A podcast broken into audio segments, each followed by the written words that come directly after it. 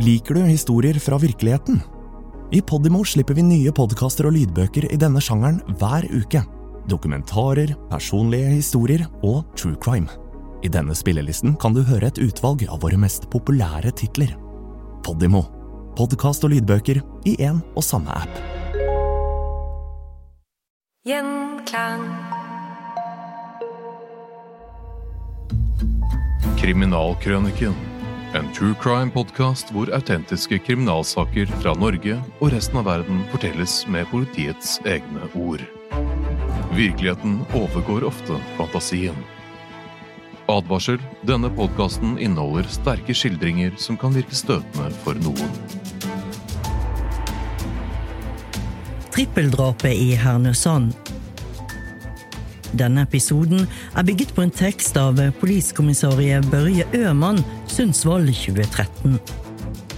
Podkasten er produsert av Gjengklang. En kveld i mai 2010 rystes svenske Hernesand av et blodig trippeldrap.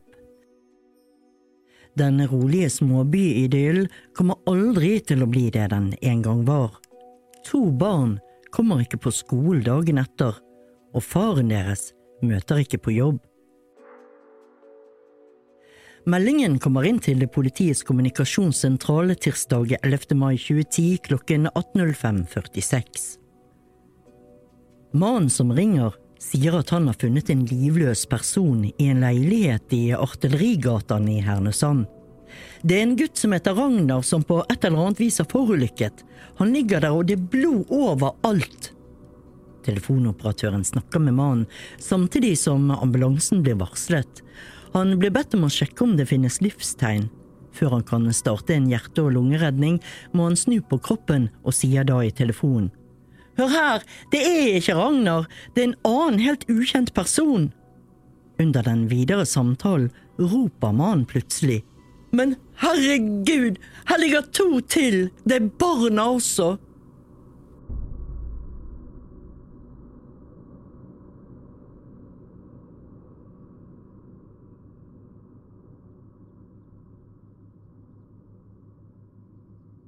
Klokken 18.13 er første politipatrulje på plass og får kontakt med ambulansepersonellet. De forteller at det ligger tre døde personer i leiligheten.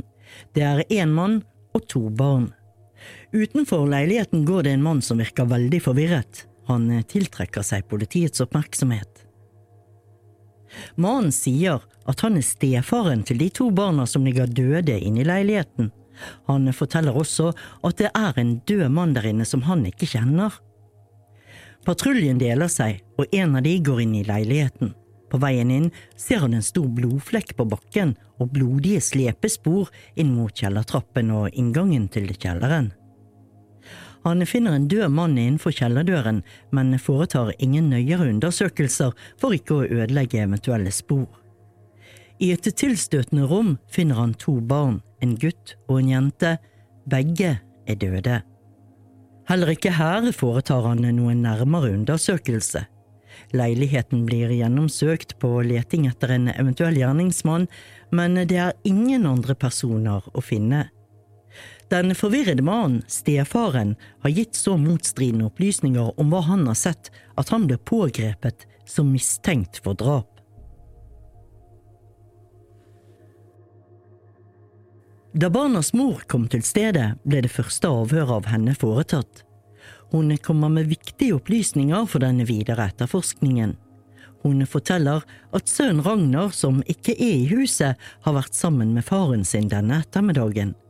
Hun gir også opplysninger om stefaren, som gjør at mistankene mot ham svekkes betraktelig.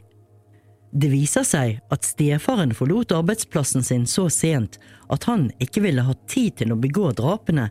Han ble senere løslatt.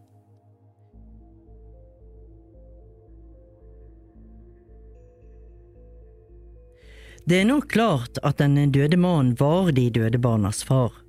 Han skulle hente barna og ha samvær med dem denne ettermiddagen den 11. mai.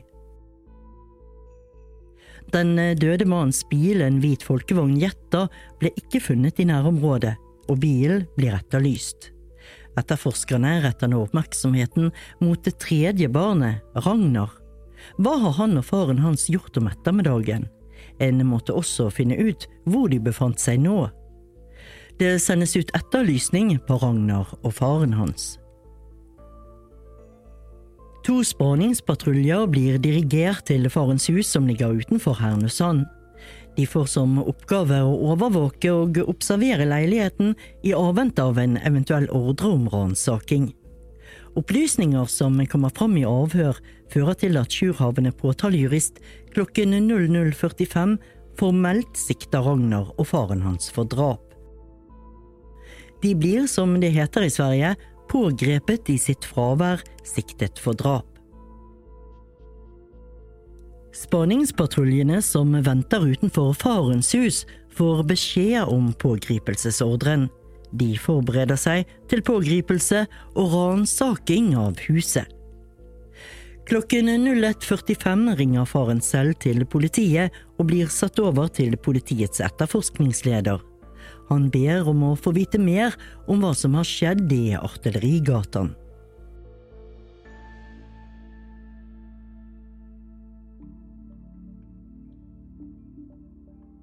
Mens samtalen pågår, blir spanerne utenfor huset hans orientert. Faren får beskjed om å gå ut og ta kontakt med politipatruljen. Han følger instruksjonene og blir pågrepet helt uten dramatikk.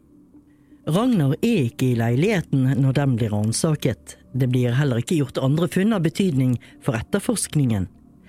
Patruljen melder imidlertid tilbake at det bør foretas en ny ransaking på dagtid av de dårlige lysforholdene.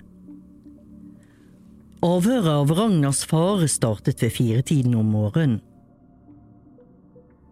Avhøret av faren blir langvarig. Det inneholder mye god informasjon om hva han og Ragnar gjorde i løpet av gårsdagen den 11. mai. Den første natten hadde kriminalteknikerne først og fremst konsentrert seg om å samle materiale som var nødvendig for å drive etterforskningen videre. Informasjonen etterforskningslederen fikk, var blant annet dette. En gutt og en jente ligger døde i leiligheten. De er drept ved påføring av ytre vold i form av stikk og eller huggvåpen. Det er trolig ikke snakk om drap og selvdrap. Identiteten til de døde kan med stor sikkerhet bekreftes. Det er søskene 12 år gamle Linnea og 15 år gamle Bjørn og deres 49 år gamle far Mats.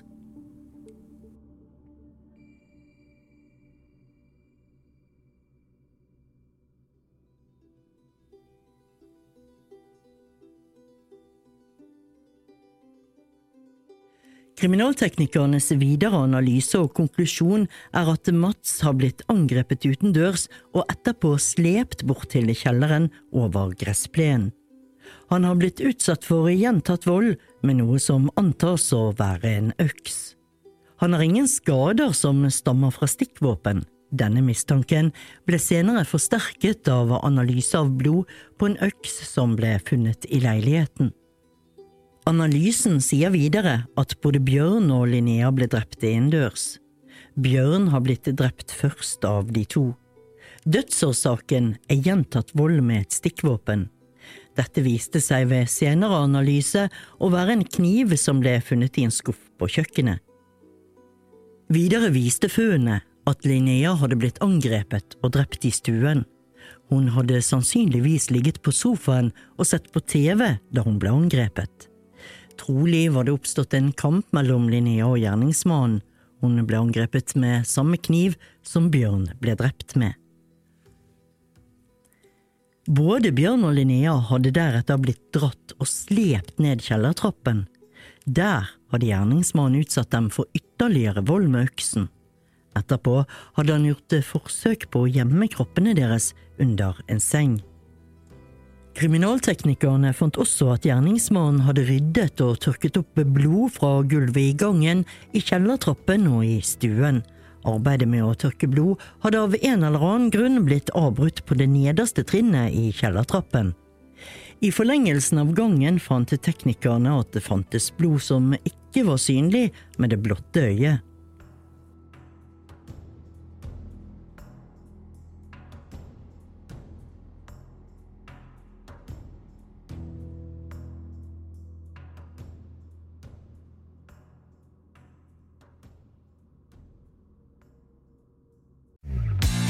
Hei! Har du lyst til å høre mer som denne podkasten, men helt reklamefritt? Da vil jeg anbefale deg å laste ned Podimo-appen for en gratis prøveperiode. Ikke bare finner du kvalitetspodkaster innen alle sjangere, men også flere av de mest populære lydbøkene. Alt sammen i Podimo-appen. Den 12. mai klokken 10.47 ringer havnefogden fra Umeå havn i Holmsund. Han ber politiet om hjelp. Han sier at eh, kapteinen på MS Sigfrid Lehmann har ringt ham og fortalt at de har en blindpassasjer om bord.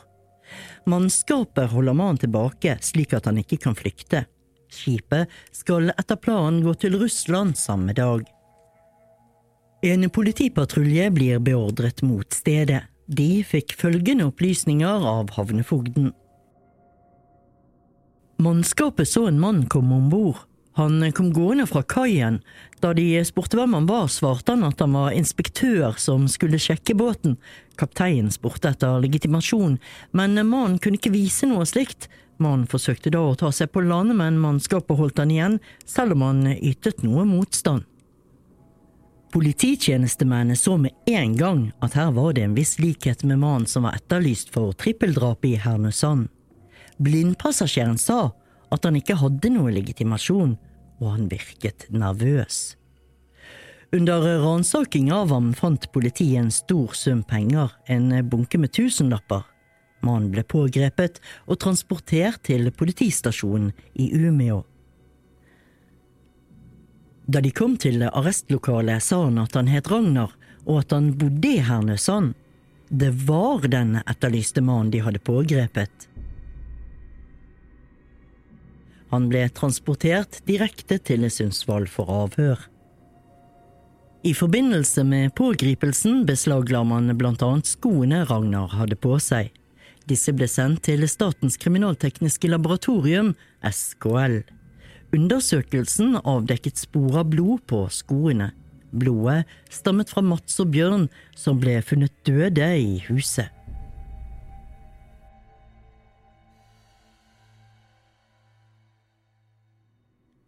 Den 12. mai klokken 18.27 startet det første avhøret av Ragnar.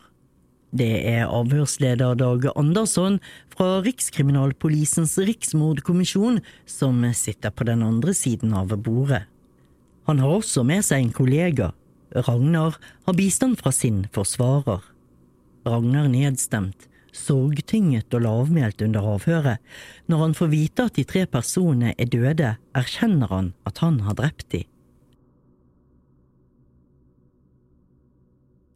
I løpet av avhøret forklarer han så godt han kan hva som skjedde i Artillerigatan og under flukten derfra. Forklaringen hans stemmer godt overens med konklusjonene til kriminalteknikerne og de rettsmedisinske rapportene etter obduksjonene. Dagen før drapene hadde Ragnar blant annet kjøpt arbeidsklær, en refleksvest og teipruller. Han sier at planen var å bruke klærne og utstyret når han skulle gjøre det. Han hadde også kjøpt vanlige klær, og han hadde vært i banken og tatt ut alle sparepengene sine. Kontantene kunne komme godt med under flukten. Ragnar forteller at han drapsdagen hadde vært sammen med sin far ved lunsjtider. De spiste lunsj sammen på en restaurant, og etter dette var han alene hjemme i huset hos moren fra ca. klokken 14. Linnea og Bjørn kom hjem ved 15.30-tiden. Ragnar hadde lenge tenkt på at han måtte drepe dem. Han kan ikke gi noe godt motiv for drapene på Bjørn og Linnea, han forteller at det viktigste var Mats. Da Bjørn kom hjem, overmannet Ragnar ham i gangen og drepte ham med flere knivstikk. Mens dette skjedde, lå Linnea på sofaen i stuen og så på TV. Hun merket ikke hva som foregikk. Da Bjørn ikke lenger rørte på seg, gikk Ragnar inn i stuen, og der angrep han Linnea med den samme kniven som han hadde drept Bjørn med. Hun ble også drept med mange knivstikk. Han dro begge barna med seg ned i kjelleren i et håpløst forsøk på å gjemme dem. Etterpå begynte han å rydde og tørke opp blodet fra gulvet. Mens han holdt på med dette, ringte det i Bjørns telefon. Jeg forsto at det var Mats i og med at han skulle hente Bjørn og Linnea, sa Ragnar. Han sjekket displayet og så at der sto det pappa. Ragnar kjente rutinene når Mats skulle hente sine to barn. Han pleide aldri å gå inn i huset, det var barna som gikk ut. Da Mats fortsatte å ringe, gikk Ragnar ned i kjelleren. Han tok på seg hansker og hentet en øks. Han satte seg på terrassen ved inngangsdøren. Etter en liten stund kom Mats, og Ragnar gikk til angrep med øksen. Mats forsøkte å verge seg mot angrepet. Han prøvde å løpe fra stedet, men Ragnar hogg ham flere ganger med øksen, og til slutt ble han liggende. Ragnar dro den livløse kroppen ned kjellertrappen og inn i kjelleren. Kroppen var så tung at han ikke greide å dra den så langt som han hadde tenkt. Nå gikk Ragnar og pakket en veske med de klærne han hadde kjøpt dagen i forveien. Han tok med seg alle kontantene han hadde tatt ut, hensikten var å komme seg unna politiet. Passet lot han ligge igjen. Han er overbevist om at han vil få politiet etter seg, og han regner egentlig med å bli pågrepet. Han tar bilnøkkelet ut av lommen til Mats og stikker av i den hvite folkevognjetteren. Han hadde ikke noe bestemt mål for flukten, men ender opp med å kjøre mot Sundsvall. På veien dit modnes tanken om å dra videre til Norge og Trondheim, og kanskje med båt derfra. I løpet av kjøreturen funderer han mye på hvordan det vil bli når han blir stoppet av politiet. Han ser ingen politibiler, og han fortsetter i stor fart mot Østersund. Noen mil sør for Østersund stopper han ved en bensinstasjon for å fylle bensin og og skifte klær. Kvinnen som jobber i bensinstasjonen forteller at hun den 11. mai omkring klokken 18.10 la merke til en liten hvit bil som svingte inn til pumpene. Sjåføren gikk ut og inn av bilen flere ganger. Han rotet også med et eller annet i bagasjerommet, og deretter tanket han for ca 450 kroner. Mannen tok noe som så ut som en stor tennisbag ut fra bilen og gikk inn på stasjonen. Han gikk gjennom butikken og direkte til toalettet. Den kvinnelige ansatte ble mistenksom. Mannen ble lenge på toalettet, han kom ikke ut igjen før vel etter ti minutter. Hun trodde på dette tidspunktet at nå kom hun til å bli ranet. Da mannen kom ut fra toalettet, gikk han direkte fram til kassen og betalte for bensin med en tusenlapp som han tok opp fra lommen. Han ville veksle ytterligere en tusenlapp, men kvinnen sa at det var ikke mulig. Hun hadde mistanke om at det kunne være snakk om falske sedler. Mannen forlot bensinstasjonen og kjørte videre mot Østersund. Kvinnen på bensinstasjonen lurte på hva mannen hadde gjort på toalettet, så hun gikk inn dit for å undersøke. Der fant hun blodig papir, kirurgteip og et par sokker i papirkorgen. Hun tenkte at mannen antagelig hadde hatt en skade i foten som han måtte skifte på. Materialet i papirkorgen ble beslaglagt og sendt til Statens kriminaltekniske laboratorium. Der kunne de konstatere at blodet stammet fra to personer, Bjørn og Linnea. Ragnar beskrev i avhøret sitt hvordan han etter å ha fylt bensin gikk inn på toalettet for å skifte klær. Han tok også av seg en bandasje fra hånden etter en tidligere skade. Alle klærne, bortsett fra strømpene, tok han med seg til bilen og la de i bagasjerommet. Bandasjen og strømpene kastet han i papirkorgen på toalettet. Ragnar fortsatte kjøreturen mot Østersund. Han fulgte etter en norskregistrert personbil, men som han sa, de kjørte bare til et jævla tullested, så jeg fortsatte mot Trondheim. Da han kom til Duveområdet, så han et trailerstopp og bestemte seg for å dumpe eller gjemme bil der. Fluktbilen ble funnet etter Ragnars anvisninger. I kupeen ble det ikke funnet noe av interesse for etterforskningen, men i bagasjerommet lå det en haug med klær. På en svart joggebukse ble det funnet noe som så ut som tørket blod, og en jakke og en strikket genser så også ut til å ha blodflekker på seg. Klærne ble beslaglagt og sendt til Statens kriminaltekniske laboratorium. Rapporten derfra viste at det ble funnet blod fra Mats og barna Bjørn og Linnea på joggebuksen.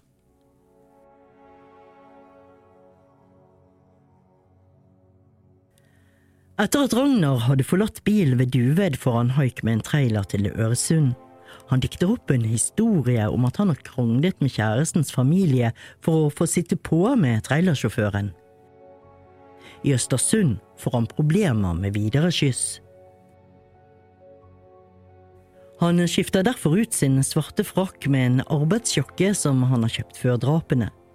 Nå lykkes han i å få sitte på med en kranbil som skal nordover, men etter en stund blir kranbilen stoppet av politiet. Om kvelden 11. mai var en politipatrulje fra Kramfors på leting etter en kvinne som var blitt meldt savnet.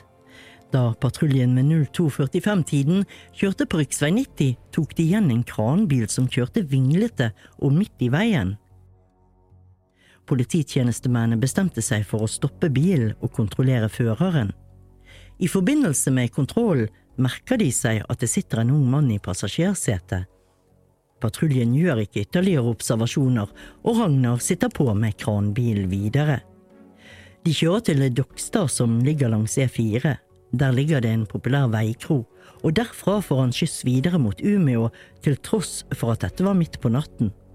I Umeå hopper han av ved busstasjonen og tar en buss til havn i Holmsund. Meningen hans er nå å ta fergen over til Finland, men da han kommer fram til havn, ser han at båten til Finland, den har allerede gått. Han får tak i en rutetabell og oppdager at neste båt ikke går før i 21-tiden. Mens Ragnar oppholder seg i havneområdet, har han arbeidsjakke på seg, og han anstrenger seg hardt for å se ut som han hører til i området. Han blir stadig mer desperat og bestemmer seg for å gå om bord i den båten som ser mest skrøpelig ut. Han håper at den kan ta han med til Russland. Når han kommer om bord, er det et av besetningsmedlemmene som tar kontakt med ham. Ragnar tar han spansken og sier at han skal inspisere båten, men det er ingen som tror han. Når han heller ikke kan vise legitimasjon, holder de ham fast og ringer til havnefogden, som igjen kontakter politiet, og Ragnar blir pågrepet.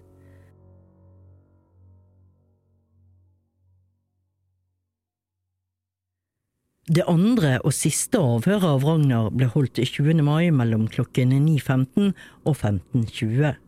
Det er lagt inn flere korte pauser. Avhøret ble langt, og nå fikk politiet de opplysningene som manglet i det første avhøret. Medieoppmerksomheten i forbindelse med rettssaken var stor. Det var kaos ved inngangen til rettslokalet da Ragnar ble ført inn. Han var merkbart irritert over oppmerksomheten. Hovedforhandlingen var over på en dag, det må betegnes som bemerkelsesverdig i og med at forbrytelsen var så alvorlig som tre tilfeller av drap. Ragnar Foss holdt sin forklaring i retten. Denne ble støttet av de fleste detaljene i etterforskningsdokumentene. Han svarte også så godt han kunne på de nye spørsmålene som ble stilt. Han var lavmælt, og dommeren måtte flere ganger be ham om å snakke høyere. Aktor Bertil Månsson sa det var i og for seg en enkel hovedforhandling. Det som kompliserte saken, var at Ragnar hadde vansker med å forklare seg når det var tilhørere i lokalet. Det ble mange korte svar, og det meste måtte relateres til politidokumentene.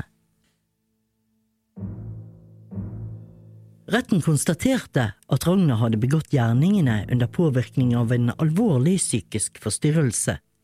Med bakgrunn i dette bestemte tingretten at Ragnar dømmes til tvungen psykisk helsevern med spesiell utskrivningsprøvning. Dommen ble forkynt den 8. juli 2010, og ingen av partene anket kjennelsen. Trippeldrapet i Hernøsand denne episoden er bygget på en tekst av politiskommissarie Børje Øman Sundsvall 2013. Podkasten er produsert av Gjengklang.